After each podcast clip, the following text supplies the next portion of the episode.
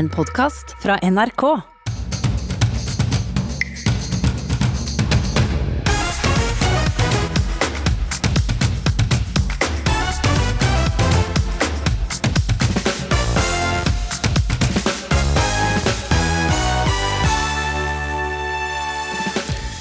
Regjeringen truet med Sivilforsvaret og Heimevernet, og folk kaller ham en dum egoist. Men ingenting får Knut Kvern ned fra hytta på fjellet. Det eneste jeg er redd for, er at de skal komme og frakte meg inn til episenteret for, eh, for eh, utbruddet. Til Oslo, altså. Maja Lunde skriver roman om virusepidemi. Men så innhenter virkeligheten forfatteren. Jeg har sittet i disse ukene og tenkt mye på om jeg er unyttig. eh, Og tenkt at jeg burde vært sykepleier isteden. Og jeg vil heller få en øl i fleisen enn å få et eh, bakholdsangrep i en bok, sier anmelder Katrine Krøger, som ikke er redd for å gi verken terningkast én eller to. Mens forfatter Tore Renberg angrer på all slakten han ga som ung bokanmelder. Velkommen til ukeslutt i NRK P1 og P2. Jeg heter Vidar Sem. Vi skal også få en rapport fra et av de landene som er hardest rammet av koronaviruset. Med over 5000 dødsfall og over 65 000 smittede er Spania et av de hardest rammede koronarammede landene i verden. Og bare det siste døgnet er det meldt om over 800 nye dødsfall. Statsministeren ber folk forberede seg psykisk på det som kommer, og at helgen vi går inn i, da vil elendigheten toppe seg, ifølge spanske medier. Vi har med oss fra Madrid advokat og styreleder i Spansk-norske handelskammer, Carmen Sanz. Ja, du bor og arbeider i Spanias hovedstad, en by hvor fem millioner mennesker lever. Hvordan er det å bo i Madrid akkurat nå? Ja, eh, vi holder oss eh, hjemme, vi. Så vi har ikke lov til å gå ut, bortsett fra å handle mat eller å gå tur med hunden. De som er heldige å ha hund, da. Så det er jo Nå er det to uker siden vi begynte den isolasjonen. Og det, det begynner å bli litt tungt å, å, være hjemme, uansett om vi har det bra hjemme hos oss. Men det er jo tungt å, å ikke treffe venner, kollegaer slektninger og sånn. Så det er jo, det er jo tung og vanskelig. Mm. Og så sies det at Spania nå vil ha, gå inn i en av sine verste helger. Eh, nå, på hvilken måte? Ja, Vi har blitt forberedt eh, fra myndighetene om at eh, vi må være klar over at eh, det, vi har ikke nådd eh, smittehøyeste punkt. Så, så de forbereder oss på å få være og være nyheter. Eh, og de har sagt at det kommer jo i løpet av helga. Så mm, det tror jeg at det hjelper oss til å skjønne at dette er veldig alvorlig, og vi må følge instruksjoner og gjøre sånn som vi blir sagt. Rundt 10% av landets sykepersonell er smittet, og myndighetene sier det, det vil bli verre. Hva gjør de da for å sikre helsen til folk flest? Ja, også eh, Det er det 10% som har blitt smittet av helsepersonell, og det bekymrer oss alle veldig. Jeg tror ikke det blir verre med akkurat helsepersonell, fordi de eh, myndighetene har fokusert for å ha kontroll på det. Dette begrunnes sikkert mangel av helsemidler når alt dette begynte blant helsepersonell. Men nå har det åpna seg, så nå håper vi alle at dette er under kontroll. For vi, vi kan ikke tillate oss å miste flere helsepersonell, eller ikke ha alle som har utdannet som helsepersonell med på å hjelpe til i den situasjonen. Så jeg tror at det blir bedre etter hvert, og det blir kontroll på det. Så det ligger et lite håp her i, i, i i mørket? Ja, ja, ja. ja. Så gir vi hver dag en stor applaus til helsepersonell klokka åtte fra vinduene våre og balkongen vår. Store, store applaus hver dag klokka åtte for å si til dem at de skal stå på. Så vi setter stor pris på den jobben de gjør med stor risiko for helsa deres. Mm. Små gleder i en, en, tung hverdag, Carmen Sands. Helt til slutt, du driver jo din egen advokatbedrift og er styreleder som sagt i, Spansk-norsk handelskammer. Ja, hvordan er det å drive firma i Spania akkurat nå? Ja, vi kan, drive, vi kan ikke si at vi driver firma i det hele tatt. fordi Bortsett fra de som driver mat eh, i matindustri eller helseindustri og sånn, de fleste bedrifter og er jo stengte. Så det er en veldig veldig stort problem disse bedriftene. Eh, eh, driver med en sånn permitteringsprosess. Eh, så vi advokater og rådgivere har det veldig travelt for tida med å hjelpe dem med å, med å, permittere folk. Nå har regjeringa kommet med nye reguleringer eh, som prøver å gjøre prosessen litt fortere. fordi at Permittering i Spania betyr at folk blir i en slags eh, midlertidig arbeidsløs situasjon. Eh, og dette må eh, krever en, en sånn spesiell prosess for å få det til. Eh, som innebærer at eh, de fleste ansatte vil så redusert vesentlig inntektene de får i månedsinntektene. Så mm, Det som bekymrer meg veldig, er at dette vil jo samfunnet begynne å se, forstå i løpet av april, når de får mindre inntekter i, i banken. Eh, og det, dette vil jo på en måte eh, påvirke den gode stemninga som ellers er i samfunnet. Det bekymrer meg også at eh, de små bedrifter vil ha det veldig vanskelig til å overleve eh, krisen når krisen tar slutt. Eh, det bekymrer meg veldig. Dette er en veldig alvorlig økonomisk krise også. Mm. Og som vi også kjenner eh, her hjemme. Eh, takk for at eh, du ble med oss, Carmen Sands. Kan ta med at du har en gang også, du har bodd i Norge, bl.a. i Førde. Kanskje vi kunne høre det. Takk for at du ble med i Ukeslutt. Ja, tusen takk for det. Heimevernet skulle hente dem, kommunene ville sperre veien for dem. Og på nett ble de holdt ansvarlig for et nært forestående sammenbrudd i kommunehelsetjenesten.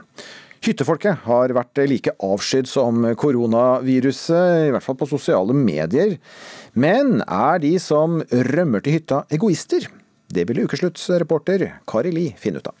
Jeg ser fjell, og jeg ser trær, og jeg ser sne. Og jeg ser grått vær. Knut Kvernen beskriver hva han ser fra hyttevinduet sitt. Under fullt navn skrev han i Aftenposten at han trosser hytteforbudet. Helseministeren svarte og ba Kvernen om å dra hjem. Andre vil at han skal dra et visst sted. Nei, de skriver at jeg er egoist som er her oppe, og at jeg ikke er uh, solidarisk. Hvorfor Kvernen fortsatt er på hytta og risikerer bot og fengsel, skal du få vite om litt. Men først til regjeringens pressekonferanse tirsdag. Regjeringens mål er fortsatt at viruset skal slås ned over tid. Da er det TV 2. Jeg er veldig glad for at det var en kollega i TV 2 og ikke jeg som tok dette spørsmålet. Til slutt bare, Hva vil du si til de som har veldig lyst til å dra på hytta i påsken? Hørte du sukket? Statsminister Erna Solberg virker litt lei. Skaff dere noen gode spill. Lat som dere er på hytten, men bli hjemme. Folk her hjemme bør ikke reise på hytta. De som allerede har dratt dit, bør reise hjem. Det var en tydelig beskjeden fra statsminister Erna Solberg. 14.3 forteller Dagsrevyen at statsministeren vurderer om Heimevernet og Sivilforsvaret skal hente hyttefolk ned fra fjellet. Ordfører i Vinje, Jon Rikard Kleven, vil bruke politi. Det kan være aktuelt at den tømmer områder og, og jager folk ut. Eh, og at politiet kommer til å patruljere det området. Og på Facebook vokser hatet mot hyttefolk. Egoister! Nå er det nok, dere. Vi skulle ha en felles dugnad, og dere reiser på hytta! Er dere totalt idioter? Forbanna idioter. Kan da for faen ikke være så vanskelig å skjønne norsk. Beskjeden er klar, reis hjem. Gud bedre. Er så mange totalt hjernedøde folk rundt omkring? Yes, ehm, det har vært eh, ganske mye eh, storm i det siste. Eh, Etter flere dager med hets må komiker Herman Flesvig beklage at han var på hytta med flere venner. Jeg må bare beklage for at jeg har skapt mye frustrasjon og sinne hos folk.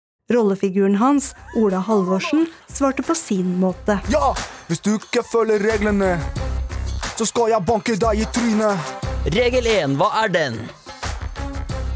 Nå må du lytte! Regel to.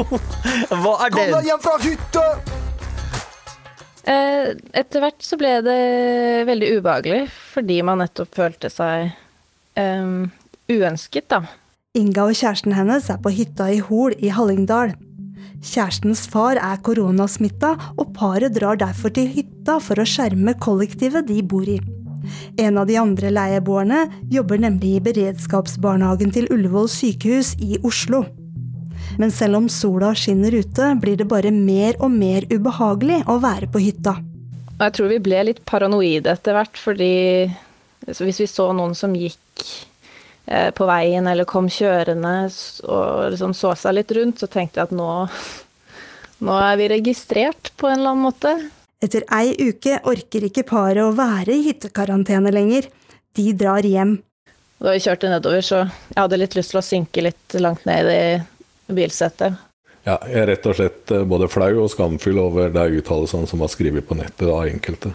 Petter Rukke er ordfører i Hol kommune. For det ble en oppfatning at hvis det kom hyttefolk, så kom jo alle til å bli smitta. Det hørtes det ut til. Rukke mener like fullt at hyttefolket måtte stoppes. Og det var rett og slett fordi at vi så at veldig mange ønsket å trekke til fjells. Og da hadde vi hatt et stort problem, eller en stor utfordring, Eh, hvis vi da skulle greie å holde tritt med smittesporinga. Vi kommer til nå forby opphold på hytter utenfor egen hjemkommune. Fra 19.3 er det bot på 15 000 kroner for den som våger seg til hytta. Nå begynner det å fylles opp med, med biler her, men dette her er jo en parkeringsplass for eh, lokalfolk, da. NRKs reporter Elin Fossum leiter, men finner ingen hyttefolk for ukeslutt på Hafjell sist helg. Hyttefolket dro hjem eh, når de fikk anmodninga. Nei, vi, vi, tenkte jo i utgangspunktet at ja, hvis, hvis vi skal spille yatzy, så skal vi ha hver våre terninger eh, og sånt. Hjemme i kollektivet i Oslo prøver Inga og kjæresten å unngå leieboeren som jobber for Ullevål sykehus. De deler kjøkken og bad med henne. Vi lager middag til samme tider, og man blir kanskje stående litt oppi hverandre, og så bruker man ja, de samme kjøkkenredskapene, og så Det går liksom ikke. Heldigvis gikk det bra. Ingen ble smitta. Og Inga understreker at hun forstår hyttekommunene. Det er jo en veldig uoversiktlig situasjon for alle, på en måte. Så for å gjøre situasjonen lettere, så er det vel kanskje det enkleste å bare si at alle drar hjem.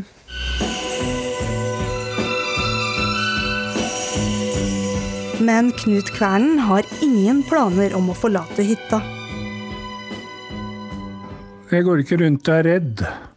Det eneste jeg er redd for, er at de skal komme og frakte meg inn til episenteret for, eh, for uh, utbruddet. Kvernen har vært på fjellet siden 12. mars og mener han har gode grunner til å bli. Han er 77 år, han har kols og hjerteproblemer, og han bor i ei boligblokk i Oslo. Noe av det som er virkelig alvorlig ved dette koronaviruset, det er lungebetennelse. Og jeg har da hatt, uh, hatt hjerneinnbetennelse som følge av lungebetennelsesbakterier. Uh, og lå i uh, kunstig koma i respirator i nærmere en uke. Så jeg er livredd. Blir jeg smitta, så er jeg ikke i tvil om at da dør jeg. Ferdig med det sa Knut Kvern. Reporter her var eh, Kari Li. Mange kjenner kanskje på følelsen av at verden nå ligner på en eh, Hollywood-film, eller eh, kanskje en bok.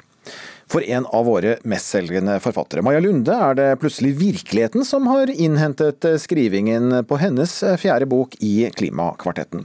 Lundes bøker om hvordan verden vil bli etter ganske dramatiske klimaendringer, har gjort stor suksess på boklistene også ute i verden. Velkommen til ukeslutt, Maja Lunde. Takk skal du ha. Denne fjerde boken, som jo i Klimakvartetten, som jo startet med bienes historie, eh, hva skal den handle om? Eh, nei, tanken er jo at den skal handle om eh, et lite samfunn på Svalbard i år 2110. Eh, og det er da, for de som har lest Bienes historie f.eks., så er det da tolv år etter framtidshistorien i Bienes historie. Og handlingen skal bygge på eh, ting som har skjedd både i Blå og Persjewalski, så målet er jo å klare å binde alle disse fire romanene sammen og gjøre det til én stor fortelling. Eh, og så har jeg hele tiden tenkt at utgangspunktet for historien skal være at eh, dette lille samfunnet blir rammet av et, eh, av et virus som, som, slår dem helt ut av at veldig mange dør. Og jeg har jo begynt å jobbe med boken og har jobbet ut en skisse til handling og så smått begynt å skrive. Men så har jeg jo da, som du sa, blitt innhentet av virkeligheten. Og Ifølge VG eh, så har du ikke nå klart å skrive et ord på den siste boken i Klimakvartetten etter koronautbruddet. Nei, og siden det står i VG, så må det jo være sant. Eh, ja, nei, det stemmer. Det har vært veldig vanskelig å sitte og skrive fiksjon når man egentlig føler at verden har blitt en fiksjonsfortelling. At vi står midt oppi noe som er så dramatisk og voldsomt at det ikke Ja. Blir romanen eller boken overflødig da, når virkeligheten nærmest innhenter fiksjonen? Jeg har sittet i disse ukene og tenkt mye på om jeg er unyttig. Eh, og tenkt at, eh, at jeg burde vært sykepleier isteden. Og virkelig klødd i fingrene etter å kunne gjøre noe og kjente at åh, ikke, er, forfatterne står ikke, er ikke førstelinjetjeneste, for å si det sånn. Men samtidig så vet jeg jo at vi trenger jo fortellinger nå mer enn noen gang. Og ser jo hvor utrolig stort behov det er ute hos folk etter å lese bøker og se filmer og TV-serier. Eh, så jeg tror jo at fiksjonen er viktigere enn noen gang før. Både fordi vi trenger litteratur som vi kan speile våre egne opplevelser i, våre egne følelser i, og vi trenger hjelp til å sette ord på det vi føler og opplever, og det kan litteraturen hjelpe oss med. Og så trenger vi også å kunne flykte, og det kan man jo definitivt gjøre gjennom bøkene. Mm. Så det, det blir en bok nummer fire? Den kommer? Ja, jeg må jo prøve å få til det. Og jeg gleder meg veldig til den dagen jeg klarer å sitte og skrive igjen og skrive fiksjon. Um, når det er sagt, så har jeg faktisk skrevet da veldig mye annet. Men nå har jeg skrevet om, om, det som skjer, rett og slett. Og så får vi se hva det blir ut av det etter hvert. Ja, for eh, slik jeg skjønner så, så, så skriver du, selv om ikke du skriver på denne romanen. Eh, du skriver så det spruter, eh, stemmer ikke det? Eller? Eh, ja, og det er vanskelig å si hva det blir. Men, men jeg har jo alltid et sånn stort skrivetrykk. Jeg har veldig behov for å skrive, så for meg har det hjulpet da på å takle det som har skjedd. Rett og slett å bare kunne sitte ned hver eneste dag og, og ta en pause fra alt og prøve å sette, eh, sette, ord på det for min egen del. På alt jeg tenker eh, oppi det som skjer nå. Og på det, alle de følelsene man får. Eh, om både stort og smått, egentlig. Så får vi se om det er noe som noen andre skal lese eller ikke etter hvert. Men det har i hvert hvert fall vært en stor hjelp for meg. Da. Ja. Gi oss et lite bilde. Hva er det du skriver? Nei, jeg skriver eh, Hva skal jeg si? Jeg skriver jo om det jeg føler og om det jeg tenker rundt det som skjer. Eh, og jeg tror for mange egentlig kanskje nå at skriving kan være en fin måte å hjelpe oss også på å sette ord rett og slett på det vi føler. Um, og så er det jo for meg, når jeg skriver romaner, så er jeg jo så opptatt av det lille i det store, da. At jeg skriver jo romaner som handler om store globale temaer, men jeg er jo også veldig opptatt av de nære relasjoner og alle de små tingene som skjer rundt oss og med oss. Um, og det, det ser jeg jo er viktig for meg også nå i møte med med denne krisen, at, og det tror jeg det er for veldig mange av oss, at vi er nødt til å prøve å forholde oss til det store, eh, voldsomme som skjer i verden, samtidig som vi er nødt til å liksom holde fast på de nære tingene. Da, og, og tre litt altså, ta et steg vekk fra den voldsomheten hele tiden og bare være her og nå. Hvor er det lille det store for deg nå, da?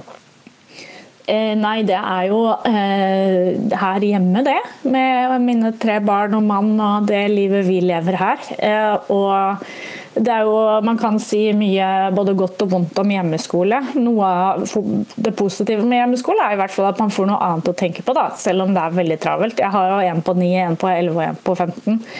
Eh, og særlig de to yngste. Det, det krever jo eh, Det krever sitt? Det krever en del oppfølging. Jeg har stor respekt for lærere, for å si det sånn. Jeg har alltid hatt stor respekt for lærere, og den har ikke blitt mindre etter disse ukene her.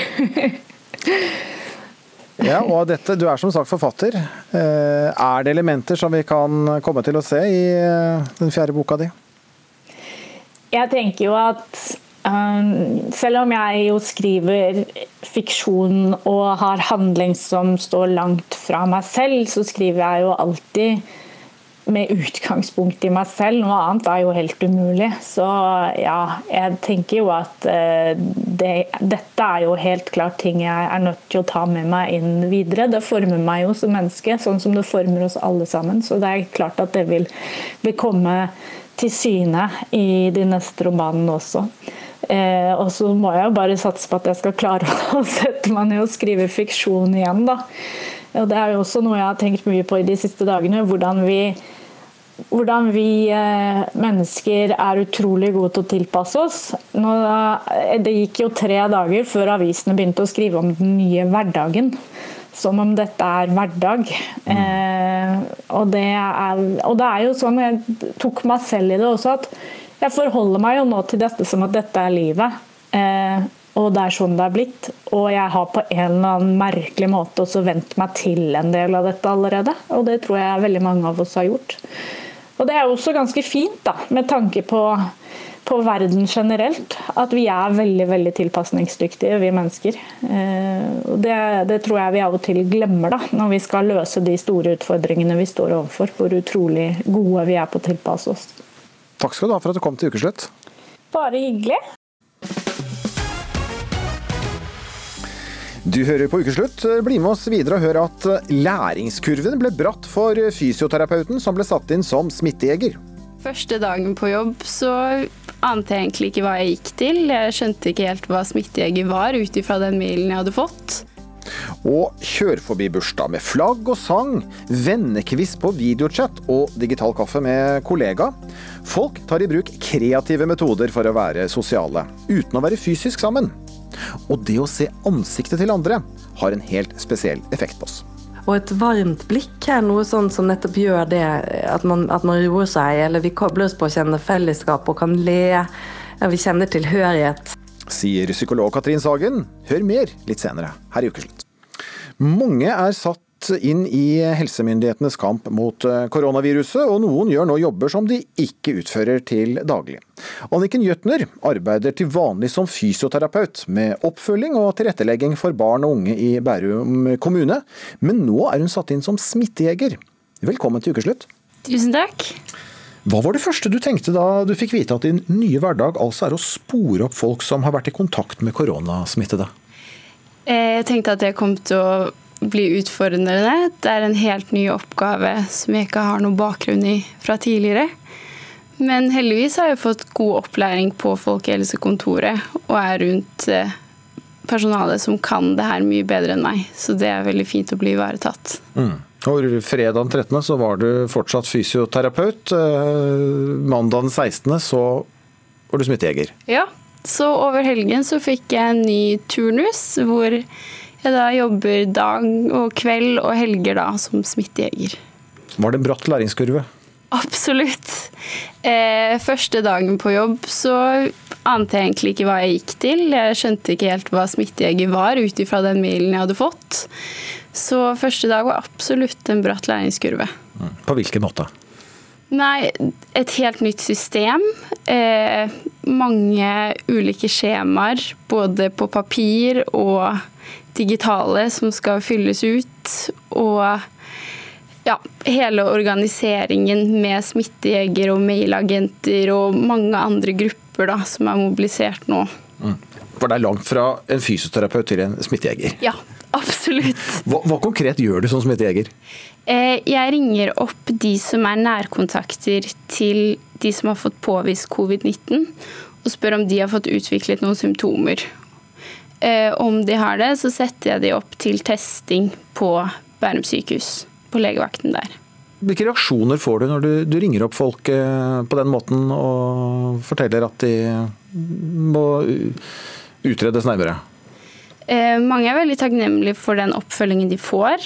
At de syns det er betryggende at kommunen tar det ansvaret.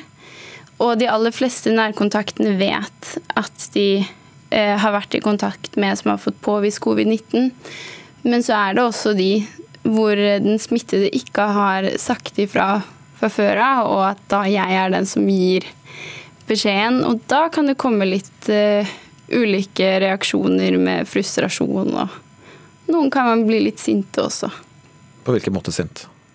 Nei, Jeg tror det er mye av at de da ikke vet at de skal ha vært i karantene. Og at de da på en måte har brutt den karantenen. Og at mange syns det er ubehagelig. Og det er så mange som er oppsatt av å gjøre ting riktig. Og følge myndighetenes råd med karantene og isolasjon. Så når de da har brutt det uten å være klar over det, så kommer den frustrasjonen, da. Mm. Blir du også engstelige de du snakker med? Det er flere som blir engstelige. Eh, også når de, de, som utvikler symptomer, da, kan være engstelige for at det er covid-19 eller noe annet, og hvor stor sannsynlighet er det, og gjør denne testen, da.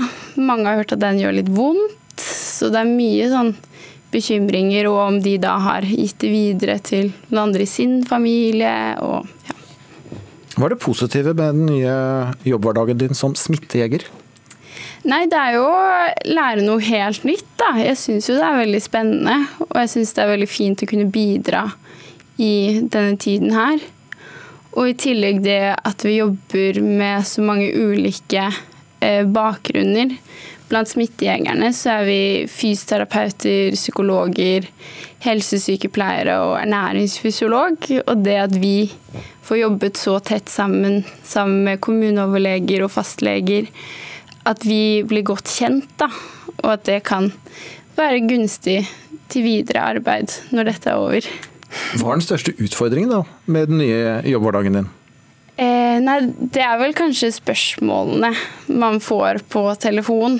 Plutselig kommer det noen spørsmål som eh, jeg ikke er forberedt på. Eh, F.eks. fikk jeg et spørsmål om eh, hvordan eh, Når man er ferdig med eh, covid-19 og er frisk, hvordan skal man da vaske huset? Eh, og det står jo ikke på noen av de vanlige flytskjemaene, og da er det eh, ta kontakt med smittevernoverlege på, nei, ja, på Folkehelsekontoret, eller så står det faktisk også noe på FHI sine sider. Ja, for det er ikke en fysioterapeuts uh, kompetanse? Nei, egentlig ikke. Men et, et godt og relevant spørsmål, da. Um, men du jobber som sagt til vanlig som fysioterapeut. Savner du jobben din? Ja, jeg gjør det. Jeg syns jeg har en veldig givende arbeidshverdag. Mange fine kollegaer jeg samarbeider med, og skolene i Bærum tilrettelegger godt for de barna som har behov. Og så savner jeg jo også barna jeg følger opp også. Kanskje det du savner aller mest, eller? Ja, det er egentlig det. Hvor lenge ser du for deg jobben, den nye jobben din som smittejeger? Nei, jeg har fått i hvert fall vite at jeg skal jobbe som det i seks uker. Dette er på uke to. Eh, og så får vi se hva som skjer etter det. Eh, fått en liten indikasjon på at eh, turnusen skal fornyes etter seks uker. Så i hvert fall tolv uker, da, ser det ut som. Så det tar litt tid før du får eh, fysioterapijobben tilbake? Ja, men heldigvis er det kollegaer som følger opp mange av barna, så jeg vet at de er godt ivaretatt. Mm. Og det som uh, venter på noe godt, venter Eller hva er det? Den som venter på noe godt, venter ikke forgjeves? Ja, jeg tror det er sånn det eh, takk for at du kom til ukeslutt, Anniken eh, Jøtner. Ja, takk. Og delte din nye jobberfaring med oss. Du jobber altså til vanlig som fysioterapeut, men nå er du også smittejeger. Stemmer. Ja, og Avdelingsdirektør Randi Moen Forfang i Helsedirektoratet. Ja, det er en bratt læringskurve som Anniken Jøtner her forteller om? Ja, det viser jo veldig godt hvilken spesiell situasjon vi er i akkurat eh, nå i dag. Og det er noe som vi aldri har opplevd før, noen av oss. Og det kan jo oppleves som eh, krevende og utfordrende, samtidig som det er jo kjempeflott at man kan bidra der det trengs mest. Mm. Og Vi skal eh, straks snakke mer med deg eh, om dette med utfordring, eh, med alle mann på dekk. For ja, er det nå slik at alle mann er like stødige når de får oppgaver de ikke gjør til daglig? Og hva kan da være det positive med å kaste seg rundt med lynkurs i nye arbeidsoppgaver? Mange kommuner og helseforetak har allerede fått eh, mange til å melde seg til eh, tjeneste i kampen mot eh, koronaviruset. Og så har vi også et eget nasjonalt ja, koronaregister. Og Randi Moen Forfang, du er avdelingsdirektør for personell og godkjenning i Helsedirektoratet. Hvor mange har meldt seg til tjeneste? Ja, I dag klokken ni så var det 1951 som hadde meldt seg og registrert seg på vår nasjonale database. Det er jo veldig imponerende etter tatt i betraktning at den bare har vært oppe noen få dager. da. Mm. Og de blir det bruk for? De blir det bruk for. Mm. Eh, nå er det om å gjøre å mobilisere. Mm. Eh, hvor konkret blir det bruk for, eh, for disse som melder seg? Vi vet jo allerede nå at kommunene har allerede store utfordringer. Eh, men vi tror jo at eh, både kommunalt og i spesialisthelsetjenesten så vil det bli bruk for mer personale. Det vil jo være mange helsepersonell som kommer i karantene. Så da blir, de, blir det mye fravær i tjenesten. Mm. Du har tidligere uttalt til bl.a. Eh, bladet Sykepleien eh, at eh, nå er det viktig å få alle mann på dekk. Men så er jo da spørsmålet er alle mann like stødige på dette dekket? Ja, De som vi rekrutterer nå, da, eller ber om å registrere seg, alle de har jo en, en helsefagutdanning. Alle har en autorisasjon. Og alle har en grunnkompetanse som kan brukes. Og selv om det er en stund siden man har vært i jobb, så, så er dette en, en, grunnmur som kan eh, bygges videre på og tas i bruk i denne situasjonen her. Mm. Men, men grunnmuren kan jo være litt løs hvis det er eh, veldig mange år siden man har vært i jobb, eller kanskje bare man har hatt utdannelse for veldig mange år siden, 20 år siden f.eks. Hva med pasientsikkerheten her? Ja, eh, det, det, legges jo til rette for veldig mange oppfriskningskurs også nå da, på flere portaler. men men pasientsikkerheten skal jo fortsatt ivaretas, og, eh, og det er et ansvar som, som, eh, alle må ta. Både den individuelle helsefagarbeideren og arbeidsgiveren. Men vi må huske på at helsetjenesten har veldig gode kvalitetssystemer som gjelder til vanlig, men som også gjelder nå når det er krise. Og krise er jo egentlig en eh, Det er jo egentlig som hverdagen, det er bare mer ekstremt. Og de systemene de fungerer godt, og det er helsetjenesten godt vant til. Ta vare på hverandre og lære av hverandre. Mm. Og Det er kanskje ikke noe alternativ nå enn alle mann på dekk? Nei, Den største risikoen er jo å ikke ta i bruk de som faktisk er reserven. Mm. Hva ser du på da som de store utfordringene øh, når det kommer da mange i helsetjenesten som til daglig ikke har de oppgavene de, de nå blir satt til? Jeg tenker at det er en utfordring for den enkelte å strekke seg litt og tørre å bli utfordret utenfor komfortsonen, kanskje.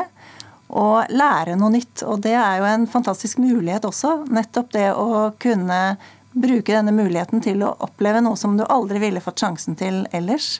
Sånn som vi hørte med denne fysioterapeuten. Mm. Ja, for, for, Ligger det noe positivt med det der å ta inn folk da i all hast uten all verdens eh, kvalitetssikringer og ja, si, byråkratiske behandlinger? Ja, absolutt. Det er jo Nå jobber vi jo på helt andre måter, og med helt andre personer også, enn det vi kanskje gjorde før. Eh, og krise tvinger jo, igjen, eh, tvinger jo frem nye teknikker, nye måter å jobbe på, som er eh, veldig inspirerende og motiverende også. Og som kanskje kan gjøre at vi kan ta det med oss videre etter krisen, til og med. Både for den enkelte, men, men, men, men for, også for samfunnet. Ja, helt klart. helt klart. Takk for at du kom til ukeslutt, Randi Moen Forfang i Helsedirektoratet. Tenk deg at du etter å ha brukt hver dag i ett år, kanskje to, kanskje flere, og endelig så har du skrevet ferdig boken. Trolig har du hatt skrivesperre, kanskje forleggeren har sendt eh, manus i retur eh, flere ganger, men nå er verket endelig ferdig. Så blir boken anmeldt i en avis, og terningkast trillet. Dommen er nådeløs. Og det er ikke bare bare å takle. Og denne uken kunne vi lese en sak om krigen mot kritikerne på nrk.no. Og vi kunne også lese om deg, Katrine Krøger, velkommen. Takk for det. Ja, Du er litteraturanmelder i Dagbladet, og så ble du også kåret til årets litteraturkritiker i fjor. Men du har vært eh, nådeløs noen ganger. Ja, Er det godt å slå hardt ned på en dårlig bok? Eh, det er jo de morsomste kritikkene å skrive. Eh, en, sånn, en, en, god, en real slakt. Eh, det er jo, er jo, mye morsommere å skrive en, en sånn det er, det er, mye større vokabular. Men så tenkte jeg det er, det er mye hyggeligere å være grei. Ja. Mm. ja. Men allikevel, eh, lett å kunne trille en terningkast som eh, ikke er bare bare for en forfatter, i hvert fall, eller en som tar kritikken. Altså Ingmar Bergman f.eks. tok jo til motmæle og slo en teaterkritiker, eh, og han betalte boten på 5000 kroner. Med glede, ifølge han selv. Det har vel ikke skjedd med deg at du er slått ned, men, men du har selv blitt kalt en mobber i boken til en forfatter. Er det fortjent, syns du?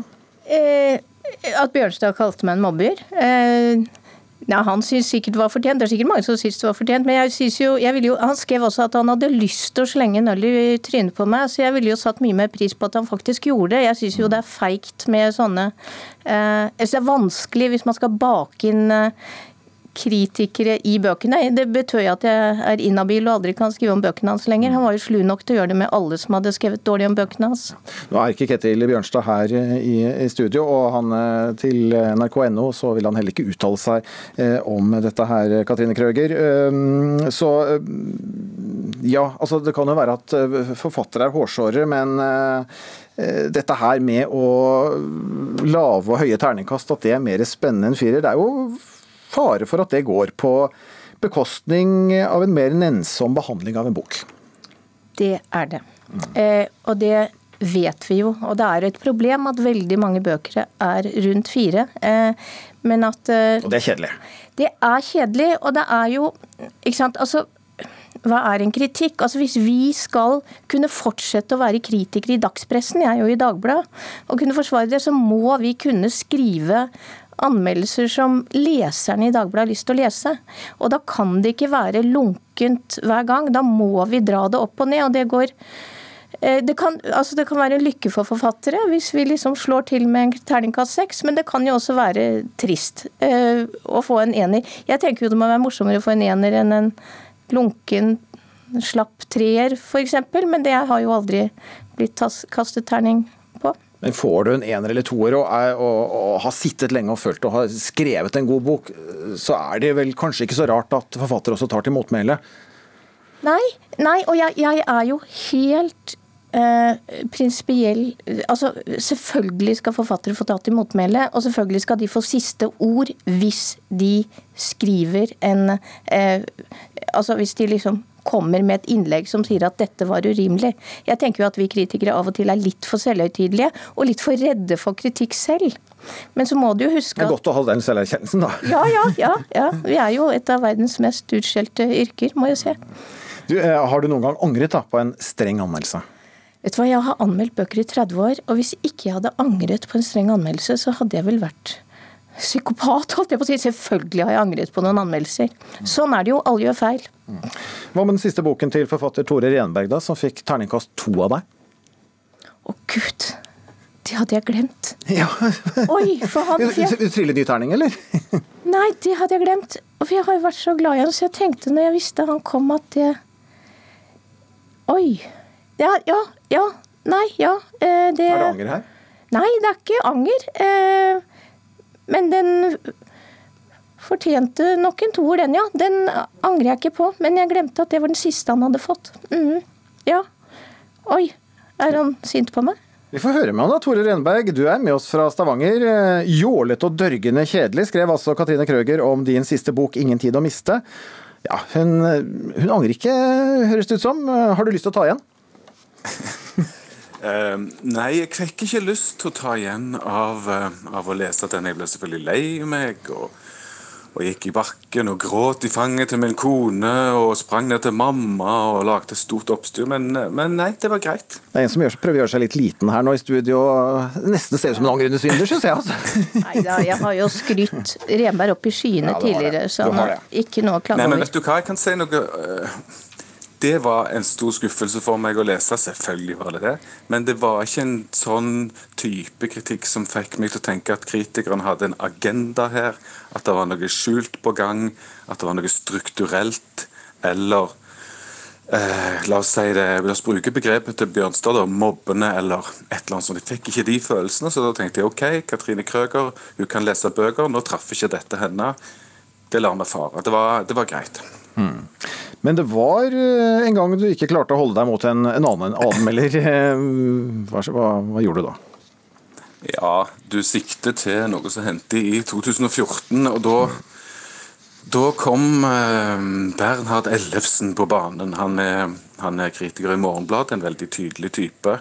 Med et tydelig litteratursyn, modernistisk, strengt og stramt og sånn. Og så flekker han Flekker han tenner for overfor min roman den gangen på en måte som var så ideologisk og politisk og etter min oppfatning forutinntatt.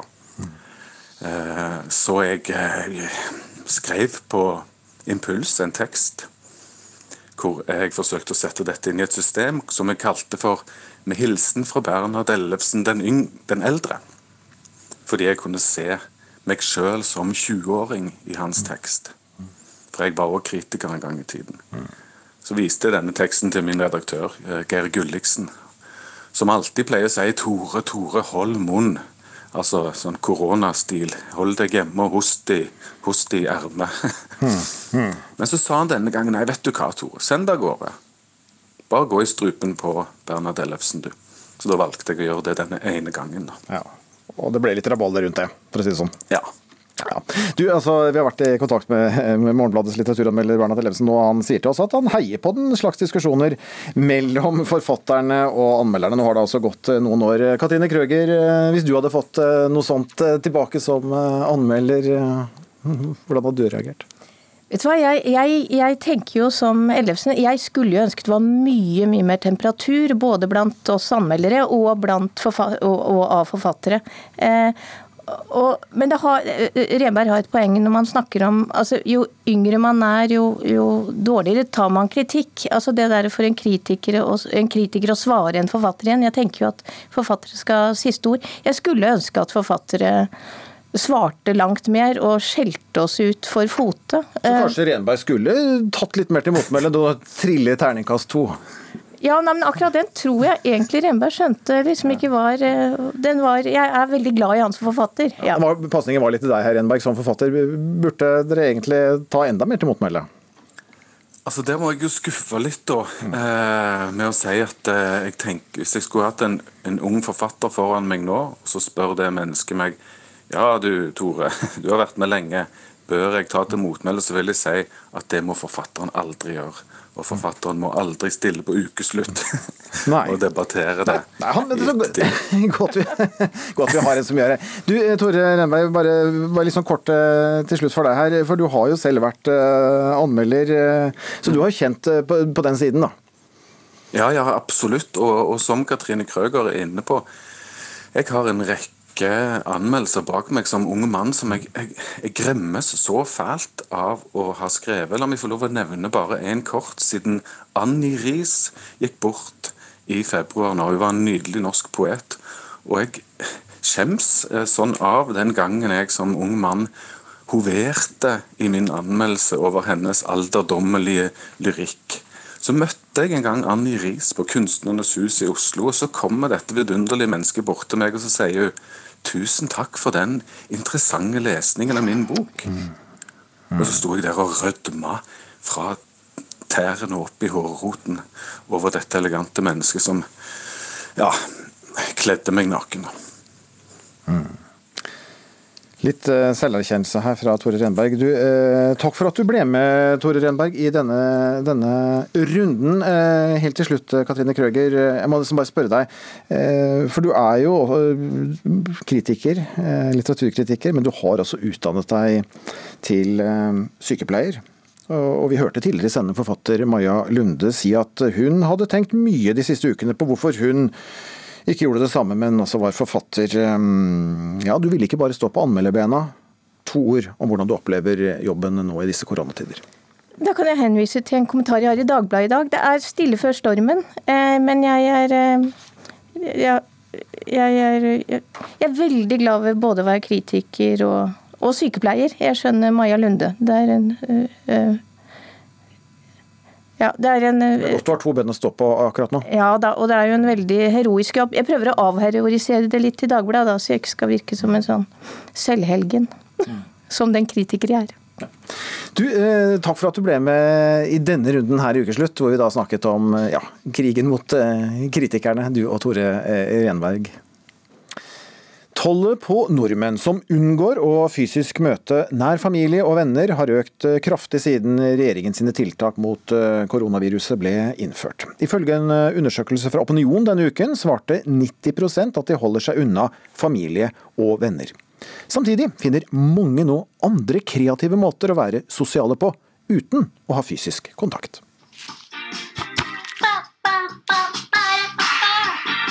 Ja, sånn hørtes det ut da Anna Kompelien direkteoverførte sin hjemme alene-bursdagsfest i karantene. Hun hadde nemlig grua seg til å feire 32-årsdagen helt alene. Skal jeg sitte her og være helt alene, og det blir jo veldig stusslig. Så da ble løsningen et Facebook-event, hvor venner ble invitert til å bli med på digital feiring. Og her kunne vennene se henne danse med flagg og partyhatt, delta på quiz, mimelek og drinkmiksing. Samtidig som de delte bilder og video fra sine hjem med kaker og seimen på bordet. Så jeg ville jo gjerne at det skulle bli litt sånn som i Melodi Grand Prix, egentlig. da, at at det var sånn Ja, hvordan er det hjemme hos deg, Katrine? Og så fikk man liksom se sånn At de feira hjemme hos seg, da. Jeg er klar! En bursdagsgave ble dratt opp med tau gjennom vinduet fem etasjer, mens hun vinka ned til vennen som sto der nede på bakken. Wow, gave! For å hindre at koronaviruset sprer seg, har barne- og familieministeren oppfordra folk til å tenke nytt rundt bursdagsfeiring. Og når du ikke kan samle vennene dine til bursdag, og vi prøver å feire bursdagen på f.eks. Minecraft, det er iallfall tid for å være kreativ. Og på trygg avstand har folk feira med alt fra kjør forbi bursdag, hvor slekt og venner kommer kjørende forbi jubilanten med flagg og ballonger ut vinduet, til vinking gjennom stuevinduet med plakater og heiarop fra hagen. Da sto folk på balkonger utenfor huset og vinket, og vi hadde laget et sånt banner 'gratulerer med dagen' og sånn. Psykolog og parterapeut Katrin Sagen syns det er spennende å se hvor tilpasningsdyktige vi mennesker er. Og det er det vi ser, at folk på alle disse kreative måtene nå sørger for at vi har sosial nærhet, selv om vi har fysisk avstand. og det er kjempegøy å se, syns jeg. Og at folk strekker seg langt for å kunne se andre, selv om det er på skjermen eller på god avstand ute, er kanskje ikke så rart. For ansiktet til de vi kommuniserer med, har en spesiell effekt på oss, sier Sagen. Det gir oss nærhet, øyekontakt. gir oss masse hvis der Man sier sånn øye er sjelens speil og sånne ting. Sant? Så det er noe med at det er jo inni øynene vi er, da, på en eller annen måte. sant? Og et varmt blikk er noe sånn som nettopp gjør det, at man, at man roer seg, eller vi kobler oss på å kjenne fellesskap og kan le. Vi kjenner tilhørighet. Ja, vi har testa en daglig lunsjquiz. Morten Svenke, kulturjournalist i Aftenposten, ba om tips til de beste festaktivitetene på videochat da han skulle lage en artikkel, og fikk inn mange kreative tips. Alt fra en del sånn drikkeleker og brettspill. Eh, og så var det et ganske artig forslag når det gjelder å se på Dagsnytt 18. Kan du fortelle om det? Ja, det ble foreslått å ta en shot hver gang noen sa å holde hjulene i gang. Så det var litt morsomt. Felles ønske om å holde hjulene i gang. og Det blir regler som gjør at vi kan holde hjula i gang. Så da hjulene på en måte ikke har begynt å gå igjen? Jeg tror det er gøy, men det er kanskje litt repetitivt i lengden. Og kanskje ikke det beste for helsa i lengden. Samholdet som mange kjenner på nå. Kanskje det også blir med over til den fasen på andre siden. Psykolog Sagen er spent på hva vi tar med oss videre. Flere av de kanalene vi lager nå, måten å være sammen på, det kanskje vi kommer til å fortsette med etterpå, etterpå koronaens tid, når den er ferdig også. For Anna Kompelin, som hadde grua seg til å feire alene, ble den digitale feiringen med venner på nett en stor suksess. Ja, Det er faktisk en av de beste bursdagene jeg har hatt. Så nå driver jeg og planlegger andre konsepter, bare fordi at det var så gøy. Bare kanskje ha noe sånn 17. mai-feiring, faktisk. Ha det! Nå er festen slutt. Ja, reporter her, det var Line Forsmo. Karanteneviser og hytterapper, ja. Etter uker med sterke restriksjoner og avlyste konserter, har eh, artister stått på og laget sanger om koronaviruset og konsekvensene av pandemien. Jeg tror jeg går og vasker henda en gang til.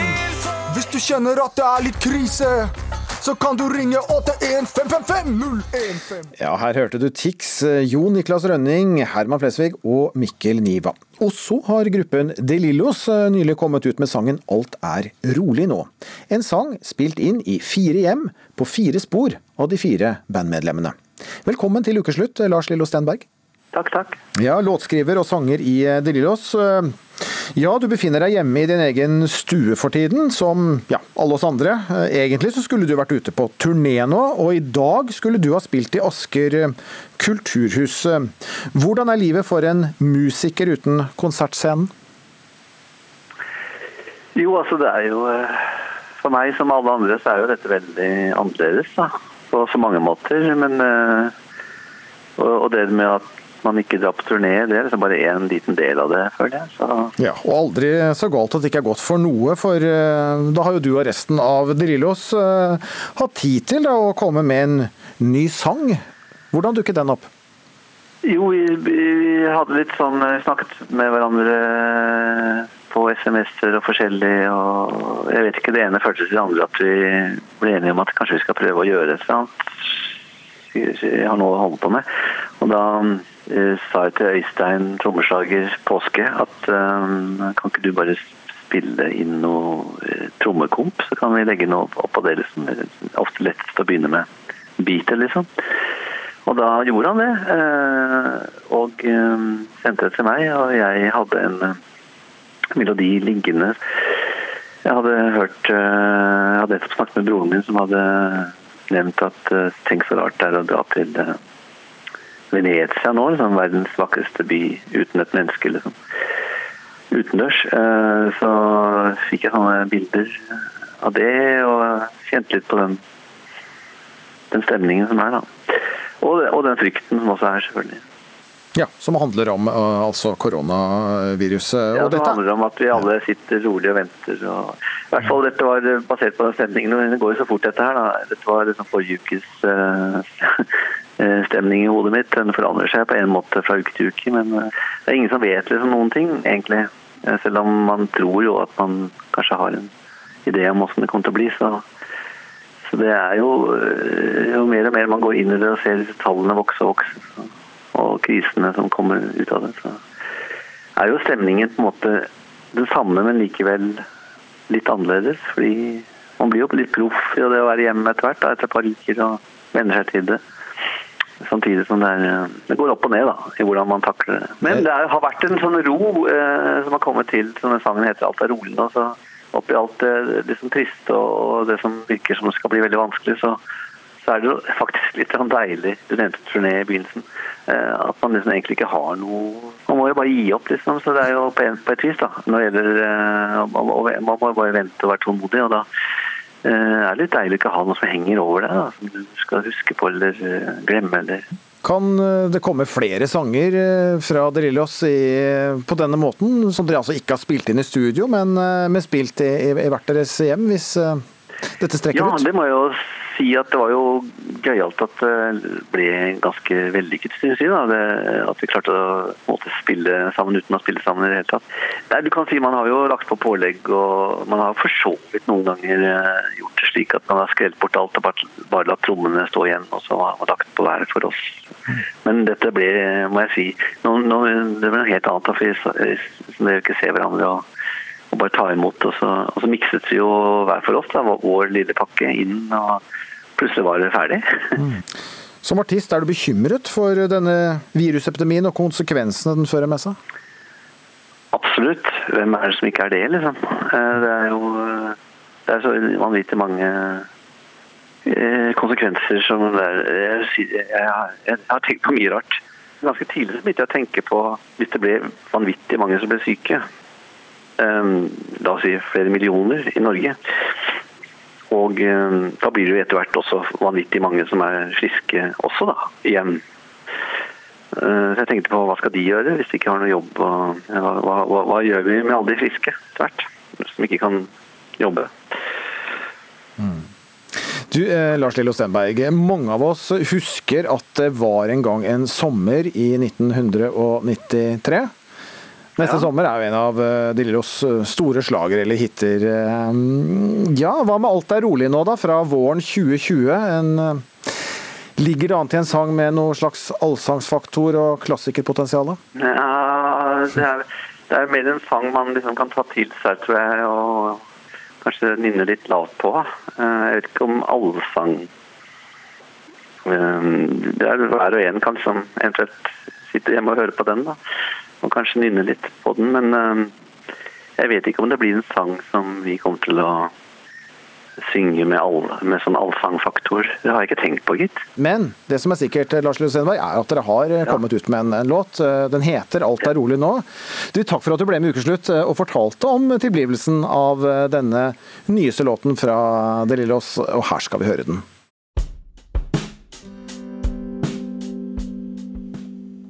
Alt er rolig nå. Ny sang fra De Lillos. Hodepinen sniker innpå etter en lang dag med Duplo, nynorsk diktanalyse samt eget arbeid på si.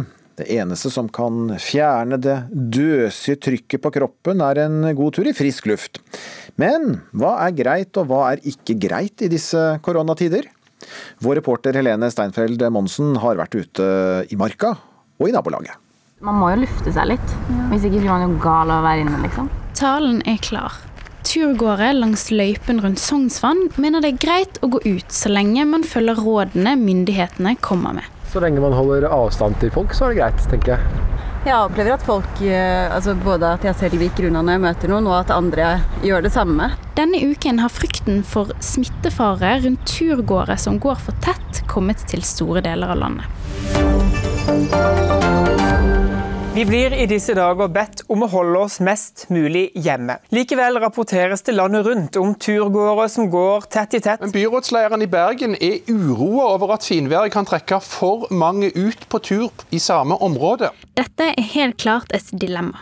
Og det er som statsminister Erna Solberg sier. Det er sunt å ta seg en tur. Det er sunt å få frisk luft i disse dager, men man må holde avstand. Dette er turgåerene langs Sognsvann enig i. De mener det er kritisk å komme seg ut i en tid preget av mye innesitting. Det er jo viktig. Jeg syns det. Jeg synes også det er veldig Man må jo se lyset, liksom. Bare Ja. være inne. Herregud, så kjedelig. For å bevare en viss mental eh, helse og ikke gå helt på veggene når man bor på ganske liten, i en ganske liten leilighet sammen, så er det greit å ha litt eh, utetid også. Akkurat dette kjenner jeg meg veldig igjen i. Selv om ikke jeg har hjemmekontor, har samboeren min det. Og det skjer noe med et menneske når man bare sitter inne hele dagen. Når jeg kommer hjem, finner jeg han som oftest på en kjøkkenstol trykt opp i TV-en, der han spiller Fifa. Ja, her sitter du. Stemmer. Jeg har gjort det hele dag. Så altså bare sto jeg, jeg sto i soveromsvinduet, og så så jeg ut, og så glemte jeg tiden. Som man skjønner, er dette en gutt som virkelig trenger å komme seg ut. Om ikke for hans mentale helse, så for min.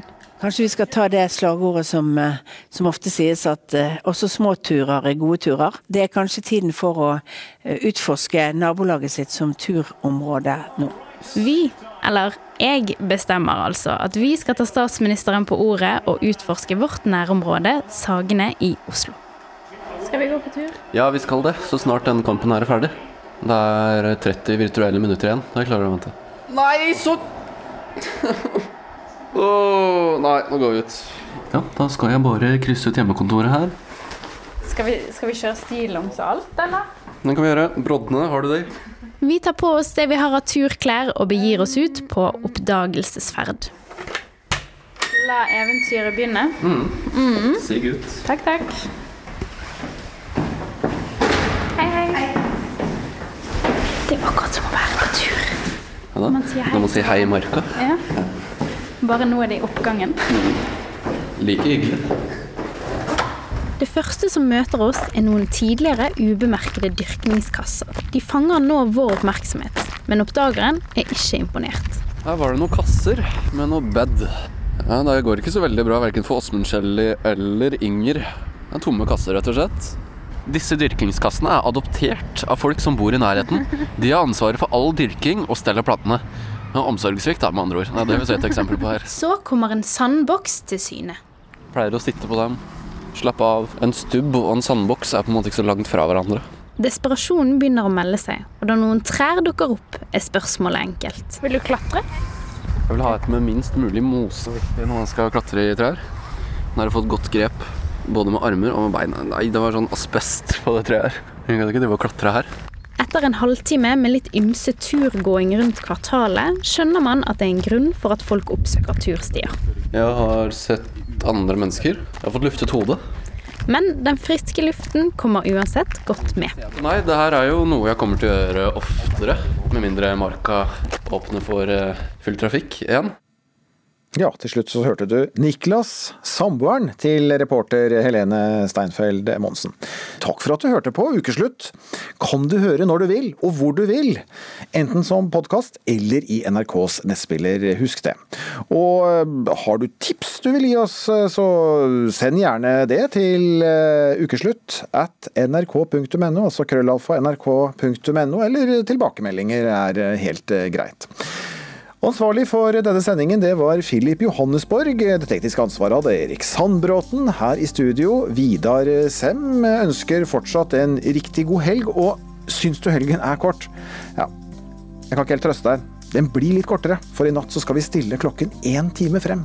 Husk det, da. Ha det bra.